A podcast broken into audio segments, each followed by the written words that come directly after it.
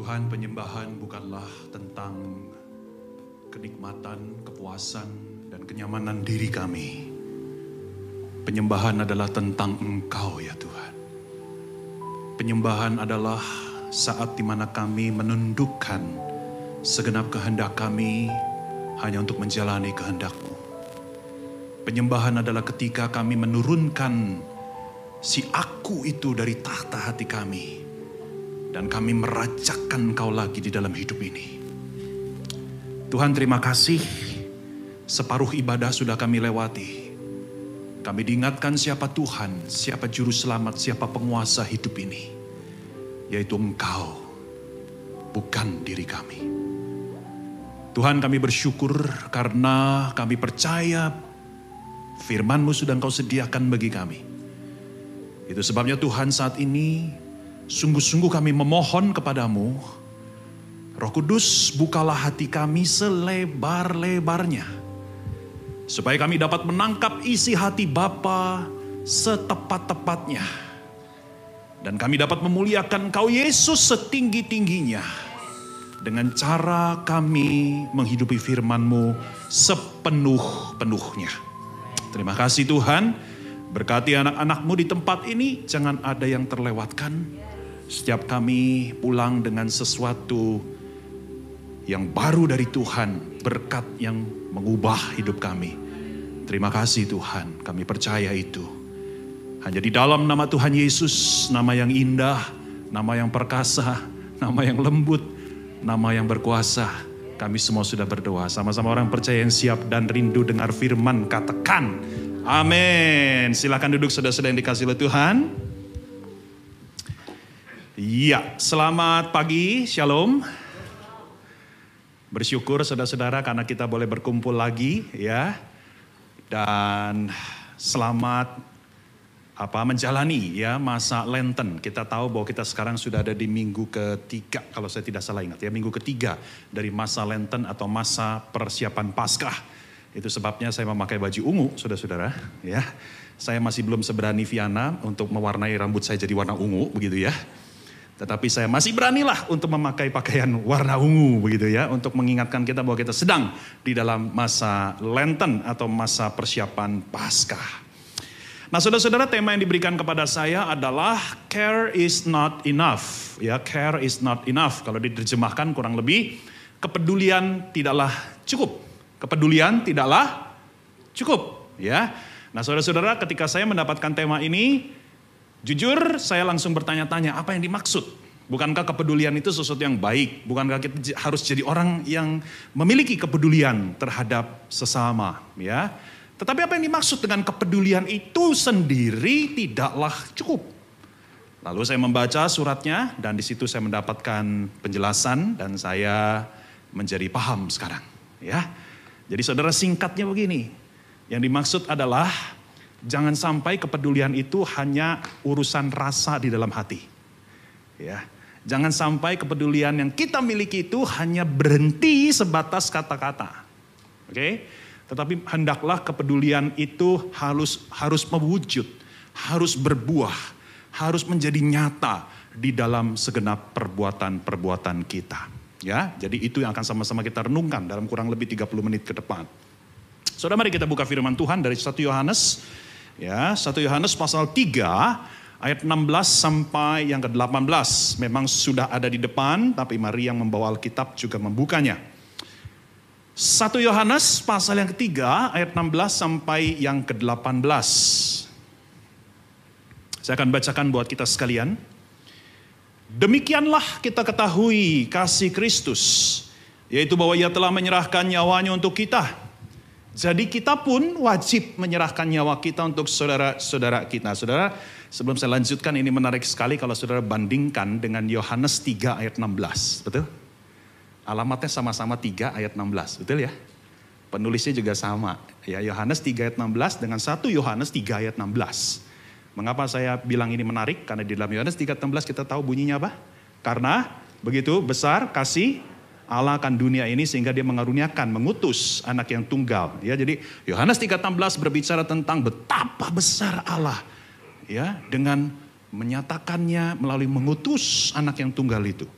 Nah di dalam 1 Yohanes 3:16 ini melanjutkan. Bukan hanya kita menerima kasih Allah, tetapi kita harus juga mempraktekkan, meneruskannya, ya, mewujudkan kasih Allah itu seperti yang sudah diteladankan oleh Tuhan Yesus. Saya lanjutkan ayat yang ke-17. Barang siapa mempunyai harta duniawi dan melihat saudaranya menderita kekurangan, tetapi menutup pintu hatinya terhadap saudaranya itu, bagaimanakah kasih Allah tetap dapat di dalam dapat tetap di dalam dirinya. Anak-anakku, marilah kita mengasihi bukan dengan perkataan atau dengan lidah saja, tetapi dengan perbuatan dan dalam kebenaran. Saya undang kita sekalian untuk membaca ayat yang ke-18, 3, 2, 1. Anak-anakku, marilah kita mengasihi bukan dengan perkataan atau dengan lidah, tetapi dengan perbuatan dan dalam kebenaran. Saudara kita ulangi, ganti kata anak-anakku dengan nama sendiri ya nama sendiri. Oke, saya contohin. Jimmy Setiawan, marilah kamu mengasihi bukan dengan perkataan. Nah itu gitu ya. Jadi kata kitanya juga ganti dengan kamu. Ya, seolah-olah kita bicara sama diri sendiri. Siap? Tahu ya nama sendiri ya? Siap. Kalau nggak tahu tanya sebelahnya. Ya. Tiga, dua, satu. Jimmy Setiawan, marilah kamu mengasihi bukan dengan perkataan atau dengan lidah, tetapi dengan perbuatan dan dalam kebenaran. Saudara-saudara, pernahkah kita bertanya dalam diri kita, mengapa ya ketika saya sudah lahir baru, sudah terima Yesus sebagai juru selamat, saya sudah jadi anak Tuhan, kenapa saya tidak langsung ke surga saja pada detik itu juga? Pernah nggak nanya gitu? Saudara, ketika kita lahir baru, kita kita percaya sama Yesus sebagai juru selamat, ya, kita udah dapat kepastian keselamatan, kita pasti masuk surga. Tapi kenapa Tuhan masih membiarkan kita hidup di tengah dunia yang penuh dengan tantangan, yang penuh dengan masalah, yang penuh dengan cobaan? Kenapa Tuhan masih membiarkan kita hidup di dalam dunia yang banyak kemungkinan untuk kita jatuh dan jatuh lagi? Bukankah lebih enak kalau kita udah terima Yesus, kita lahir baru, sup, langsung ke surga. Betul nggak sih? Masuk akal nggak ini? Ya. Kenapa Tuhan masih membiarkan kita hidup di tengah dunia yang penuh dengan carut marut ini. Saudara-saudara, salah satu jawaban terbaiknya kalau kita pikirkan dan renungkan adalah karena Dia Allah mau kita belajar mengasihi dunia ini seperti Yesus Kristus. Saya ulangi, kenapa Tuhan masih membiarkan kita hidup di dunia? Supaya kita bisa belajar, terus belajar mengasihi dunia ini seperti Tuhan Yesus. Saudara itulah yang dikatakan di dalam ayat 16 kalau kita tengok. Di dalam ayat yang ke-16 dikatakan sebagaimana Kristus telah mengasihi manusia berdosa, maka demikian pula seharusnya kita mengasihi sesama manusia. Saudara-saudara kita belajar mengasihi seperti Yesus itu adalah tujuan, itu adalah maksud, itu adalah alasan mengapa engkau dan saya tetap ada di tengah dunia ini. Itu sebabnya saudara kita dapat berkata, kalau satu hari engkau lewati, tanpa engkau sungguh-sungguh belajar mengasihi orang lain seperti Kristus mengasihi manusia, maka saudara sedang menyia-nyiakan satu hari itu. Betul atau betul? Oh ini serius saudara. Ketika kau hanya menghabiskan satu hari hanya untuk nonton film, hanya untuk makan enak, hanya untuk engkau eh, menikmati dirimu sendiri dan sebagainya, tetapi engkau tidak menggunakan waktu untuk belajar mengasihi sesama seperti Kristus, maka sebetulnya engkau sedang menyia-nyiakan satu hari itu yang sudah Tuhan beri. Seserius itu. Nah saudara kita belajar mengasihi seperti Yesus, itu bukan untuk kepentingan diri kita. Dunia ini sudah jatuh di dalam dosa, dan dunia ini membutuhkan kasih Allah.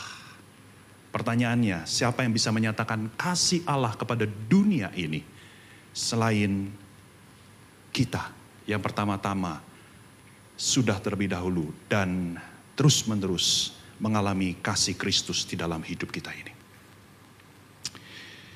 Nah saudara-saudara kita lanjutkan, kalau kita bicara tentang kasih, maka ayat 18 dengan terang benderang mengatakan bahwa, hei janganlah engkau mengasihi sebatas perkataan. Janganlah mengasihi hanya sekedar ngomong. Ayat 18 dengan tegas mengatakan mengasihi itu harus dengan perbuatan. Amin. Sejelas itu. Saudara-saudara, sebetulnya orang yang bukan Kristen pun tahu tentang hal ini. Itu sebabnya ada istilah untuk cinta yang sebatas kata-kata. Apa istilahnya? Hah? Apa tuh? Lip service kalau yang istilah kerennya, ya kan? Tapi istilah yang lebih populer adalah gom, gombal. Saudara kita aja nggak mau digombalin, betul nggak? Halo para istri, mau nggak digombalin para suami? Gak mau. Ya, kita nggak mau saudara-saudara cuma dijanjiin, kita nggak mau cuma dengar kata-kata manis, kita mau bahwa orang-orang yang menyatakan dirinya mengasihi kita untuk juga melakukan sesuatu sebagai bukti kasihnya kepada kita. Nah saudara-saudara sekali lagi bicara kasih, kasih itu harus mewujud nyata di dalam perbuatan-perbuatan konkret. Dan saudara-saudara sebetulnya itu tidak lain tidak bukan adalah buah roh kebaikan. Kita tahu di dalam Galatia pasal 5 ada sembilan ekspresi buah roh. Dan kebaikan adalah ekspresi yang keberapa ada yang tahu? Yang keenam. Kebaikan. Saudara apa itu kebaikan? Mari kita coba cek definisi yang ada di depan. Apa itu kebaikan dalam bahasa Inggrisnya kindness. Kebaikan tidak lain tidak bukan adalah kasih yang dinyatakan dalam perbuatan untuk menjawab masalah sesama manusia. Saya ulangi. Apa itu kebaikan? Kasih yang dinyatakan, diwujudkan dalam perbuatan untuk menjawab, membantu masalah sesama manusia. That is kindness. Saudara perhatikan bahwa kebaikan itu adalah buah roh Artinya siapa pun yang sudah lahir baru oleh karya roh kudus di dalam hatinya, pasti menghasilkan buah yang satu ini. Ya. Karena roh kudus sudah tinggal di dalam diri kita, karena roh kudus sudah bersemayam di dalam batin kita, dan karena roh kudus berkarya di dalam dan melalui diri kita. Saudara-saudara ayat 17 mengatakan, Bila kita tidak melakukan kebaikan kepada sesama, maka kasih Allah tidak ada di dalam dirimu. Wow.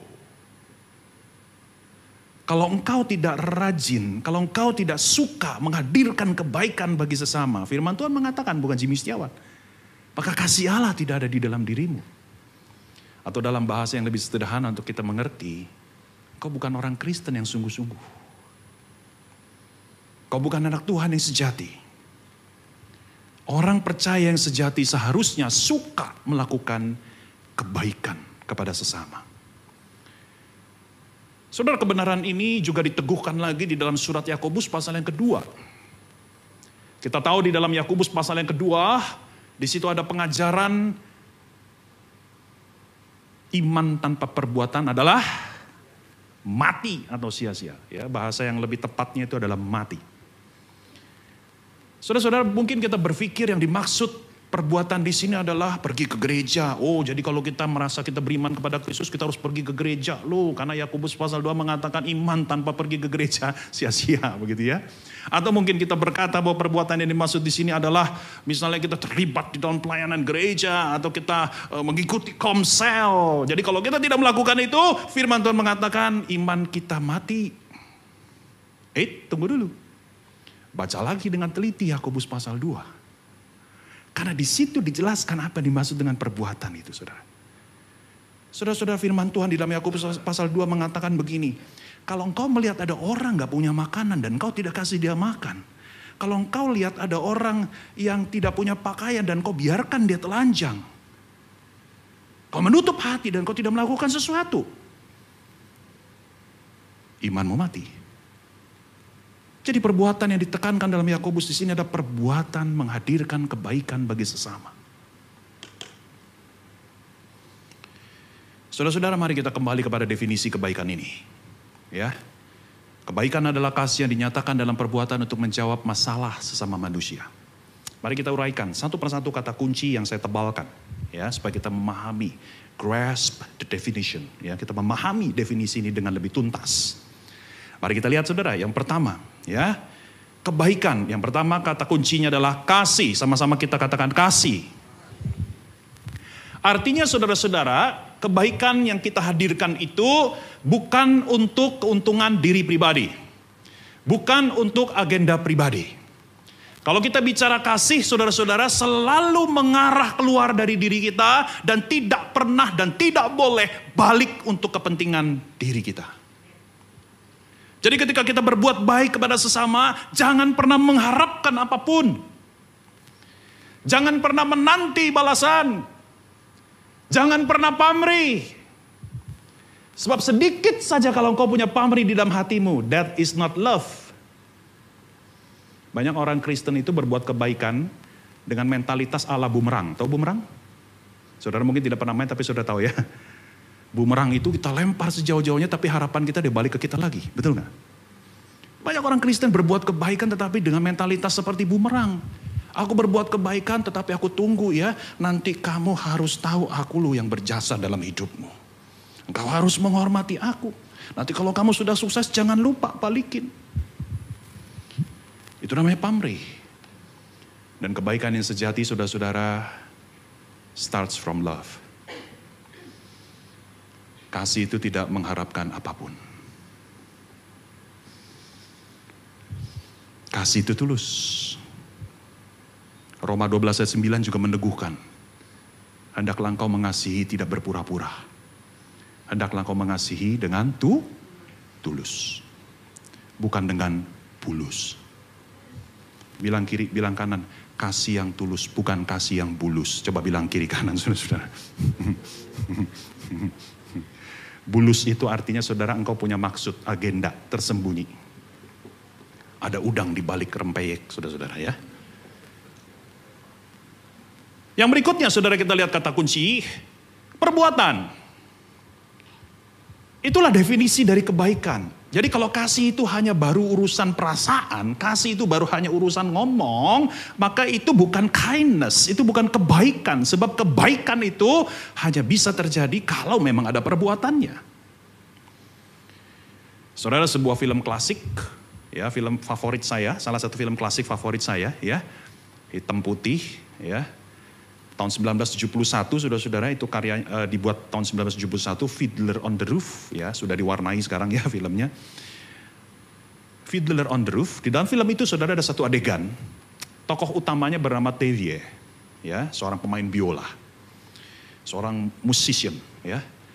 Ya di dalam satu adegan saudara Tevye dia bertanya kepada Golda istrinya yang sudah dinikahinya seperempat abad ya karena TV ini seorang pemusik, jadi dia nanyanya saudara sambil dengan lantunan lagu, begitu ya. Dia nanyanya begini, saya nggak bisa tiru saudara-saudara ya. Dia nanyanya gini kira-kira, saudara bayangin aja dia sambil nyanyi gitu ya. Hai istriku sayangku, apakah engkau mengasihi aku? Gitu ya. Dengan gaya-gaya centilnya gitu ya. Ah, mungkin dia berharap istrinya menjawab dengan apa? Wah mungkin istrinya peluk dia, mencium dia sambil berkata, iya sayangku aku mengasihimu. Tapi ternyata tidak, saudara. Saudara istrinya menjawab begini, sambil plototin si Devi. Istrinya bilang begini, selama 25 tahun, aku mencuci pakaianmu. aku memasak makananmu. Aku membereskan rumahmu. Bahkan aku melahirkan dengan susah payah anak-anakmu. Aku mengurus sapi-sapimu. Kalau itu bukan cinta, maka itu apa? Dan TV pun diam seribu bahasa, saudara-saudara. Ya. Saudara-saudara, saya pikir ini adalah sesuatu yang menarik untuk kita renungkan. Betul, saudara. Kasih itu harus mewujud nyata di dalam perbuatan, betul? Dengar baik-baik. Orang yang berbuat baik belum tentu karena kasih. Tetapi orang yang mengasihi pasti berbuah kebaikan. Setuju? Saya ulangin ya. Orang yang berbuat baik belum tentu karena kasih. Ya kalau nggak percaya nanti tunggu masa-masa kampanye. ya kan? Nanti banyak tuh turun-turun turun gunung itu orang-orang itu ya, langsung seperti malaikat ya, pahlawan-pahlawan sosial bagi sembako bla bla bla bla bla bla. Nanti udah pemilu ya, udah terpilih, ya udah lain cerita. Orang berbuat baik belum tentu karena kasih, tetapi kalau orang betul-betul punya kasih yang banjir di dalam dirinya, dia pasti akan meluap di dalam perbuatan-perbuatan baik. Berikutnya saudara-saudara menjawab masalah. Kebaikan yang sejati itu harus ditujukan untuk menjawab masalah sesama. Nah kalau kita bicara masalah saudara-saudara maka berdasarkan kejadian pasal 3. Masalah manusia itu bisa kita lihat dalam empat kategori. Oke? Dari kejadian pasal 3. Ya. Kategori pertama kita ini memiliki masalah rohani. Manusia itu memiliki masalah rohani. Ini yang pertama. Kita tahu ketika Adam dan Hawa jatuh di dalam dosa, apa yang mereka lakukan? Mereka segera lari, mereka bersembunyi dari hadapan Allah. Mereka tidak sanggup menghadap hadirat Allah. Mereka kabur, mereka ciut berhadap dengan Allah. Saudara, manusia berdosa itu terpisah dari Allah. Manusia berdosa itu tidak punya hubungan dengan Allah. Kita tidak lagi bisa mengenal siapa Allah yang sejati. Kita kehilangan makna dan hidup ini, saudara-saudara. Karena kita terputus dari sang sumber, sang desainer kehidupan kita. Ini yang pertama, masalah rohani. Tetapi manusia berdosa juga memiliki yang saya sebut dengan masalah jiwani. Masalah batiniah, masalah psikologis. Saat Adam dan Hawa jatuh di dalam dosa, kita tahu mereka bukan hanya melari jauh dari menjauhi Tuhan, kabur dari hadirat Tuhan, tetapi mereka juga mulai mengalami perasaan-perasaan negatif yang sebelumnya mereka tidak punya, antara lain ketakutan, rasa malu. Saudara ini adalah gambaran orang-orang berdosa. Kita punya problem-problem psikologis yang merusak, yang mengganggu mental kita. Kita tidak lagi bisa mengenal diri kita. Bahkan kita tidak bisa menerima diri kita dengan apa adanya. Problem-problem psikologis antara lain depresi, kekhawatiran yang akut, ketakutan yang melumpuhkan, dan berbagai macam kejiwaan lainnya. Masalah berikutnya saudara adalah masalah relasi. Masalah sosial, Ketika Adam dan Hawa jatuh di dalam dosa, kita tahu mereka segera saling menyalahkan satu dengan yang lain. Hubungan mereka sekarang dipenuhi dengan rasa curiga dan tidak suka. Dan ini berlanjut sampai kepada kita. Kita sebagai orang-orang yang berdosa, kita sering kali mengalami masalah relasi, bahkan kita adalah biang keladinya. Kita tidak bisa lagi menerima orang lain. Kita saling menghancurkan, Problem sosial antara lain perang, rasisme, kriminalitas, perdagangan manusia, perceraian, broken home, keluarga yang terpecah, dan sebagainya, dan sebagainya. Masalah berikut sudah adalah masalah jasmani. Allah berkata kepada Adam dan Hawa, saudara-saudara, ketika mereka jatuh di dalam dosa, bahwa dunia akan menjadi tempat yang sulit buat mereka. Dunia akan dipenuhi semak berduri. Artinya saudara, they will face physical sufferings. Mereka akan mengalami penderitaan-penderitaan secara fisik. Dan kita tahu problem jasmani itu banyak. Sebut saja penyakit, kelaparan, dan kematian. Saudara-saudara, Allah mau kita menghadirkan kebaikan-kebaikan untuk menjawab masalah-masalah ini. Tetapi kalau kita mau jujur introspeksi diri, sering kali gereja hanya berkutat pada urusan rohani. Betul apa betul? Halo? Saudara seharusnya kita sungguh-sungguh menyadari bahwa kita harus, kita dipanggil oleh Tuhan untuk menjawab masalah-masalah ini.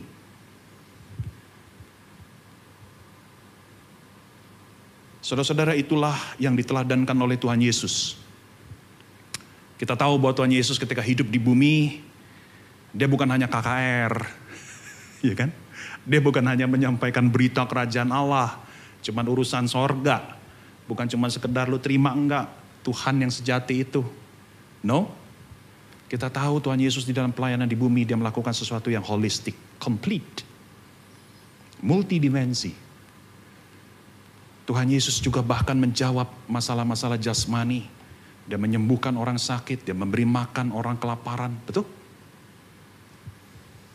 Saudara kita harus mengikuti teladan Yesus dan itu yang dikatakan ayat 16.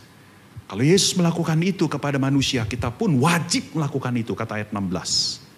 Dan kata wajib di dalam ayat yang ke-16 sudah dalam bahasa Yunaninya itu adalah Ophelio yang artinya kita berhutang. Hutang mesti bayar nggak? Hutang mesti bayar nggak? Halo? Kok mikir? Hutang mesti bayar nggak?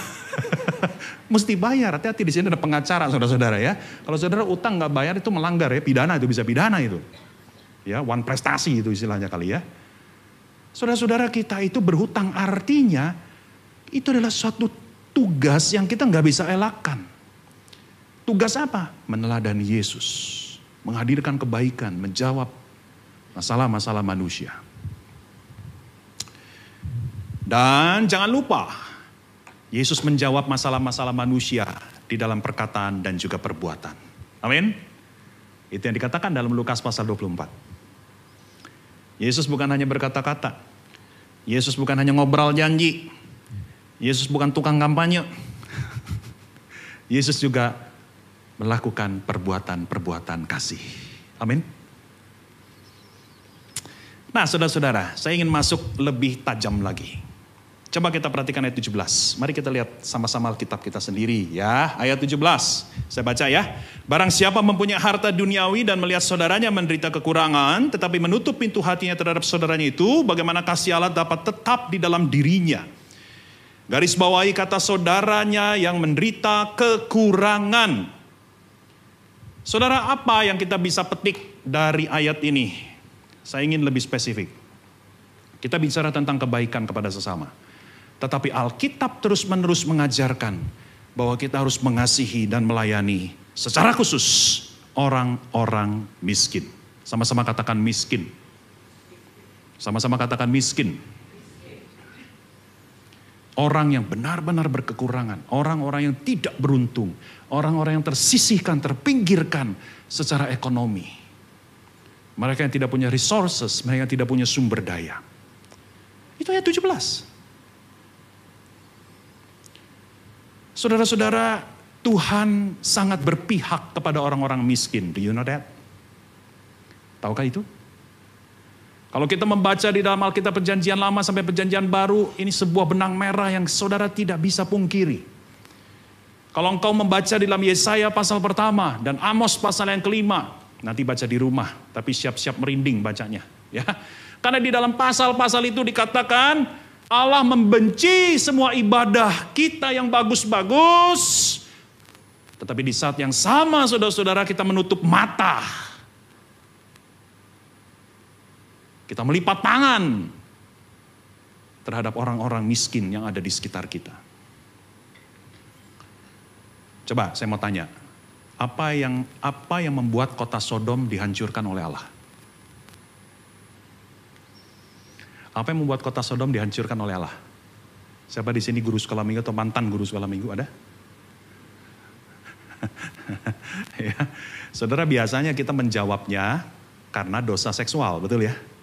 Itu jawaban umum. Mungkin kita di sekolah minggu pun juga diajarkan begitu. Ya, kisah Lot itu ya kan? Tetapi saudara-saudara kalau kita membaca Yeskiel pasal 16 ayat 49 sampai 50 kita akan terkaget-kaget. Karena di situ disebutkan alasan mengapa Tuhan menghukum kota Sodom. Yaitu karena penduduk kota Sodom yang berlimpah harta, yang kaya raya, yang makmur itu, mereka menikmati kekayaan mereka untuk diri mereka sendiri, lalu mereka tidak peduli dengan orang-orang miskin yang ada di sekitar mereka. Dan Tuhan membenci itu sehingga Tuhan menghancurkan kota Sodom. Itu dia, saudara. Dan bukan hanya di perjanjian lama, di dalam perjanjian baru kita tahu Tuhan Yesus sendiri mengatakan di dalam Matius pasal 25.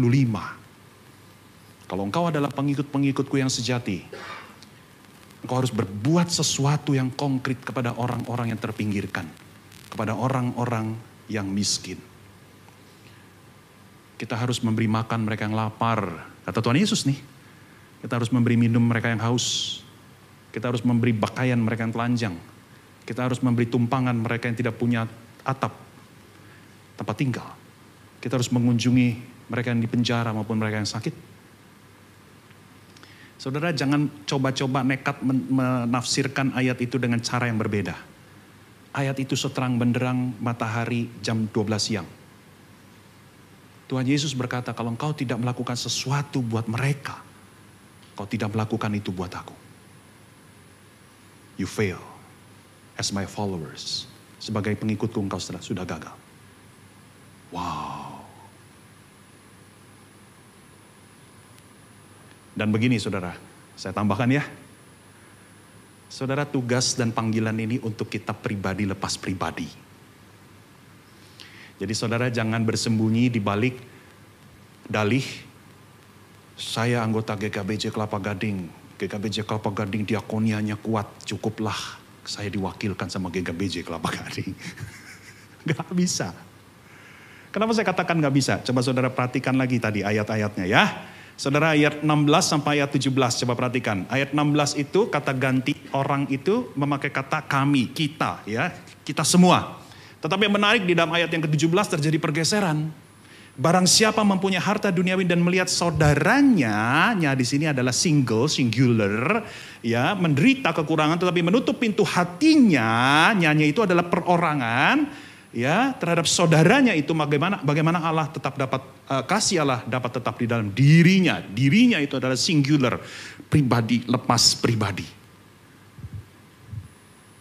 jadi menghadirkan kebaikan bagi orang-orang yang berkekurangan, orang-orang yang tidak beruntung, saudara-saudara itu adalah tugas dan jawab tanggung jawab saya pribadi. Katakan sama-sama tunjuk dada masing-masing. Saya pribadi. Belum semua. Tunjuk dada sendiri. Saya pribadi sebagai pengikut Kristus. Ya. Saudara-saudara, mengapa Tuhan mau kita berbuat atau menghadirkan kebaikan bagi orang-orang miskin? Jawabannya banyak, alasannya banyak. Ya, saya coba pelajari, saya menemukan beberapa alasan. Tapi karena keterbatasan waktu, izinkan saya langsung loncat kepada alasan yang menurut saya paling penting. Mengapa Tuhan mau kita menghadirkan kebaikan bagi orang-orang miskin, saudara-saudara? Alasannya adalah begini, hasil perenungan saya, ya. Karena ketika kita membantu orang miskin, ketika kita mendekatkan diri kepada orang miskin, ketika kita berinteraksi dengan orang miskin, maka kita bisa bercermin, ya, sebagaimana orang miskin tidak bisa hidup tanpa pertolongan dari luar, Sebagaimana orang miskin tidak berdaya, tidak bisa berdiri sendiri. Kita bercermin, kitalah seperti itu di hadapan Tuhan. Saya dan saudara sesungguhnya adalah orang miskin di hadapan Allah. Yang artinya kita tidak bisa hidup tanpa belas kasih dan anugerah Allah. Amin. Miskin di sini bukan miskin di sini bukan secara harta, Miskin di sini adalah sebuah sikap hati yang menyadari, I cannot do anything without you God. I am nothing, I am big zero without you God. Aku adalah nol besar tanpa anugerah dan kasihmu ya Tuhan. Itu sebabnya tidak heran Tuhan Yesus mengatakan di dalam Matius pasal 5, berbahagialah mereka yang miskin di hadapan Allah. Amin. Tuhan Yesus tidak sedang mengajarkan habis ini pulang gereja engkau jual semua hartamu lepas depositomu. Enggak begitu. Enggak begitu. Tetapi yang Tuhan mau adalah kita harus senantiasa menyadari. I am nothing without you God. Enggak ada satupun di dalam hidupku yang aku bisa banggakan. Itu semua anugerah Tuhan. Itu semua kasih karunia Tuhan jabatanmu, predikatmu, gelarmu, hartamu, uangmu, posisimu, sebut apa pun yang kau punya, itu bukan punyamu, itu semua dari Tuhan. Amin. Rasul Paulus juga mengatakan begitu dalam satu Korintus. Apa sih yang kita punya bukan dari Tuhan? Saudara-saudara, kalau kita mengerti kebenaran ini, maka ini akan sangat membantu kita secara praktis di dalam kita menghadirkan kebaikan kepada orang-orang miskin. Ya, saya kasih contoh. Misalnya, sering kali kita ini enggan membantu orang miskin dengan alasan, misalnya ya ada beberapa alasan nih. Misalnya yang pertama, alasan yang sering sering kita pakai. Saya takut bantuan saya disalahgunakan mereka. Tentu saja pada realitanya memang ada orang-orang yang bisa saja menyalahgunakan bantuan kita. Tetapi jangan sampai ini menjadi alasan untuk kita tidak sama sekali membantu orang yang berkekurangan. Saudara perhatikan, kalau alasan ini kita gunakan, kita terapkan kepada Allah, uh celaka. Iya enggak? Karena nanti Tuhan bisa ngomong hal yang sama dong. Ngapain kok baik sama Jimmy Setiawan? Dia sering menyalahgunakan kebaikan gua. Kita ini kan sering menyalahgunakan kebaikan Tuhan. Setuju apa setuju? Ayo jujur.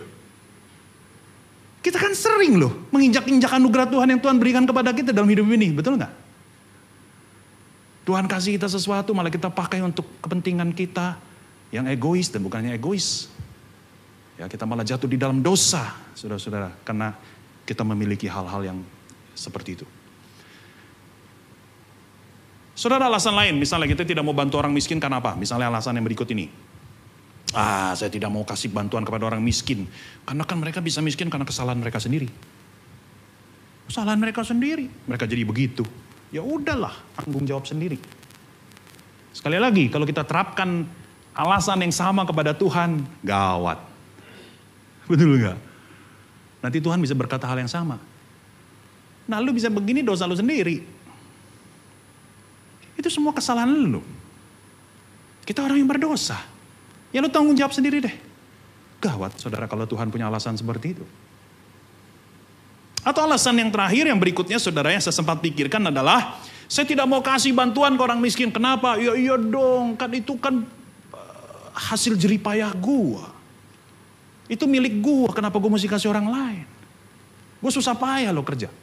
Kenapa gue mesti kasih orang lain? Saudara, bukankah darah Kristus juga adalah miliknya sendiri? Ya kan? Kalau Tuhan Yesus memakai alasan yang sama, saudara-saudara, waduh, Tuhan Yesus bisa berkata begini, ngapain gue curahkan darah gue buat Jimmy Setiawan?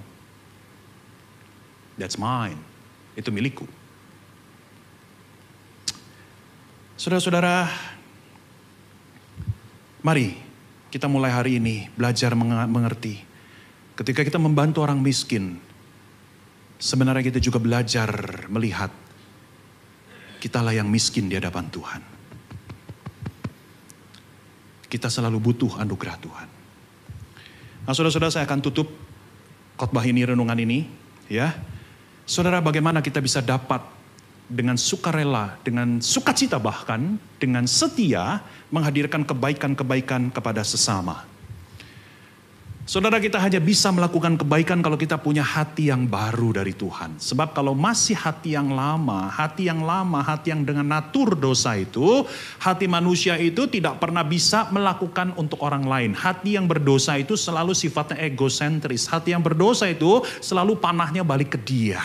Hati yang berdosa itu tidak pernah bisa memberi, dia hanya maunya mengambil. Itu sebabnya perlu pembaruan hati kita. Nah hati yang baru itu hanya bisa lahir karena apa? Saya suka sekali karena pasal 3 ini di ayat pertama ya, dibuka dengan ayat pertama. Lihatlah betapa besarnya kasih yang dikaruniakan Bapa kepada kita. Saudara-saudara dengar baik-baik, saya akan tutup ya khotbah ini. Saudara, engkau ingin punya hati yang murah hati, engkau ingin punya hati yang mudah berbelas kasih, engkau punya hati yang sungguh-sungguh bisa menghadirkan kebaikan. Pertama-tama dan terutama kita harus punya hati yang selalu memandang dan mengalami betapa Allah terlebih dahulu sudah baik kepada diriku. Amin. Amin.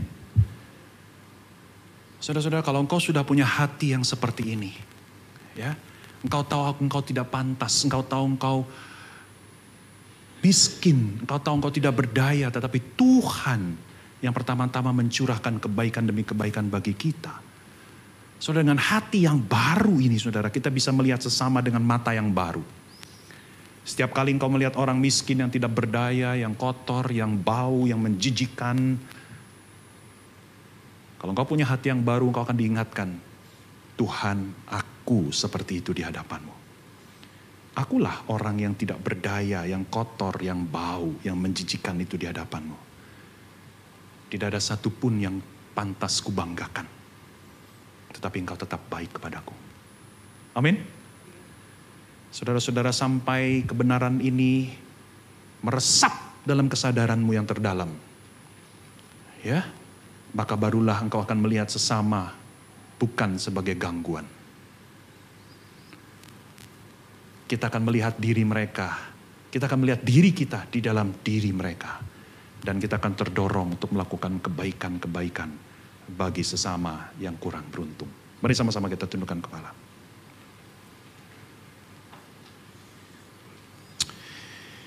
Mari kita ambil waktu untuk kita bersatu di hadapan Tuhan. Ingat panggilan untuk mendatangkan dan menghadirkan kebaikan kepada sesama yang kurang beruntung itu bukanlah panggilan institusional. Itu bukanlah panggilan hanya untuk organisasi GKBJ Kelapa Gading. Tetapi itu adalah panggilan untuk setiap pengikut-pengikut Kristus. Di masa Lenten ini, di masa Prapaskah ini, kita diingatkan untuk kita menjadi seperti Kristus yang lebih suka memberi daripada mengambil, yang lebih suka menghadirkan kebaikan kepada sesama.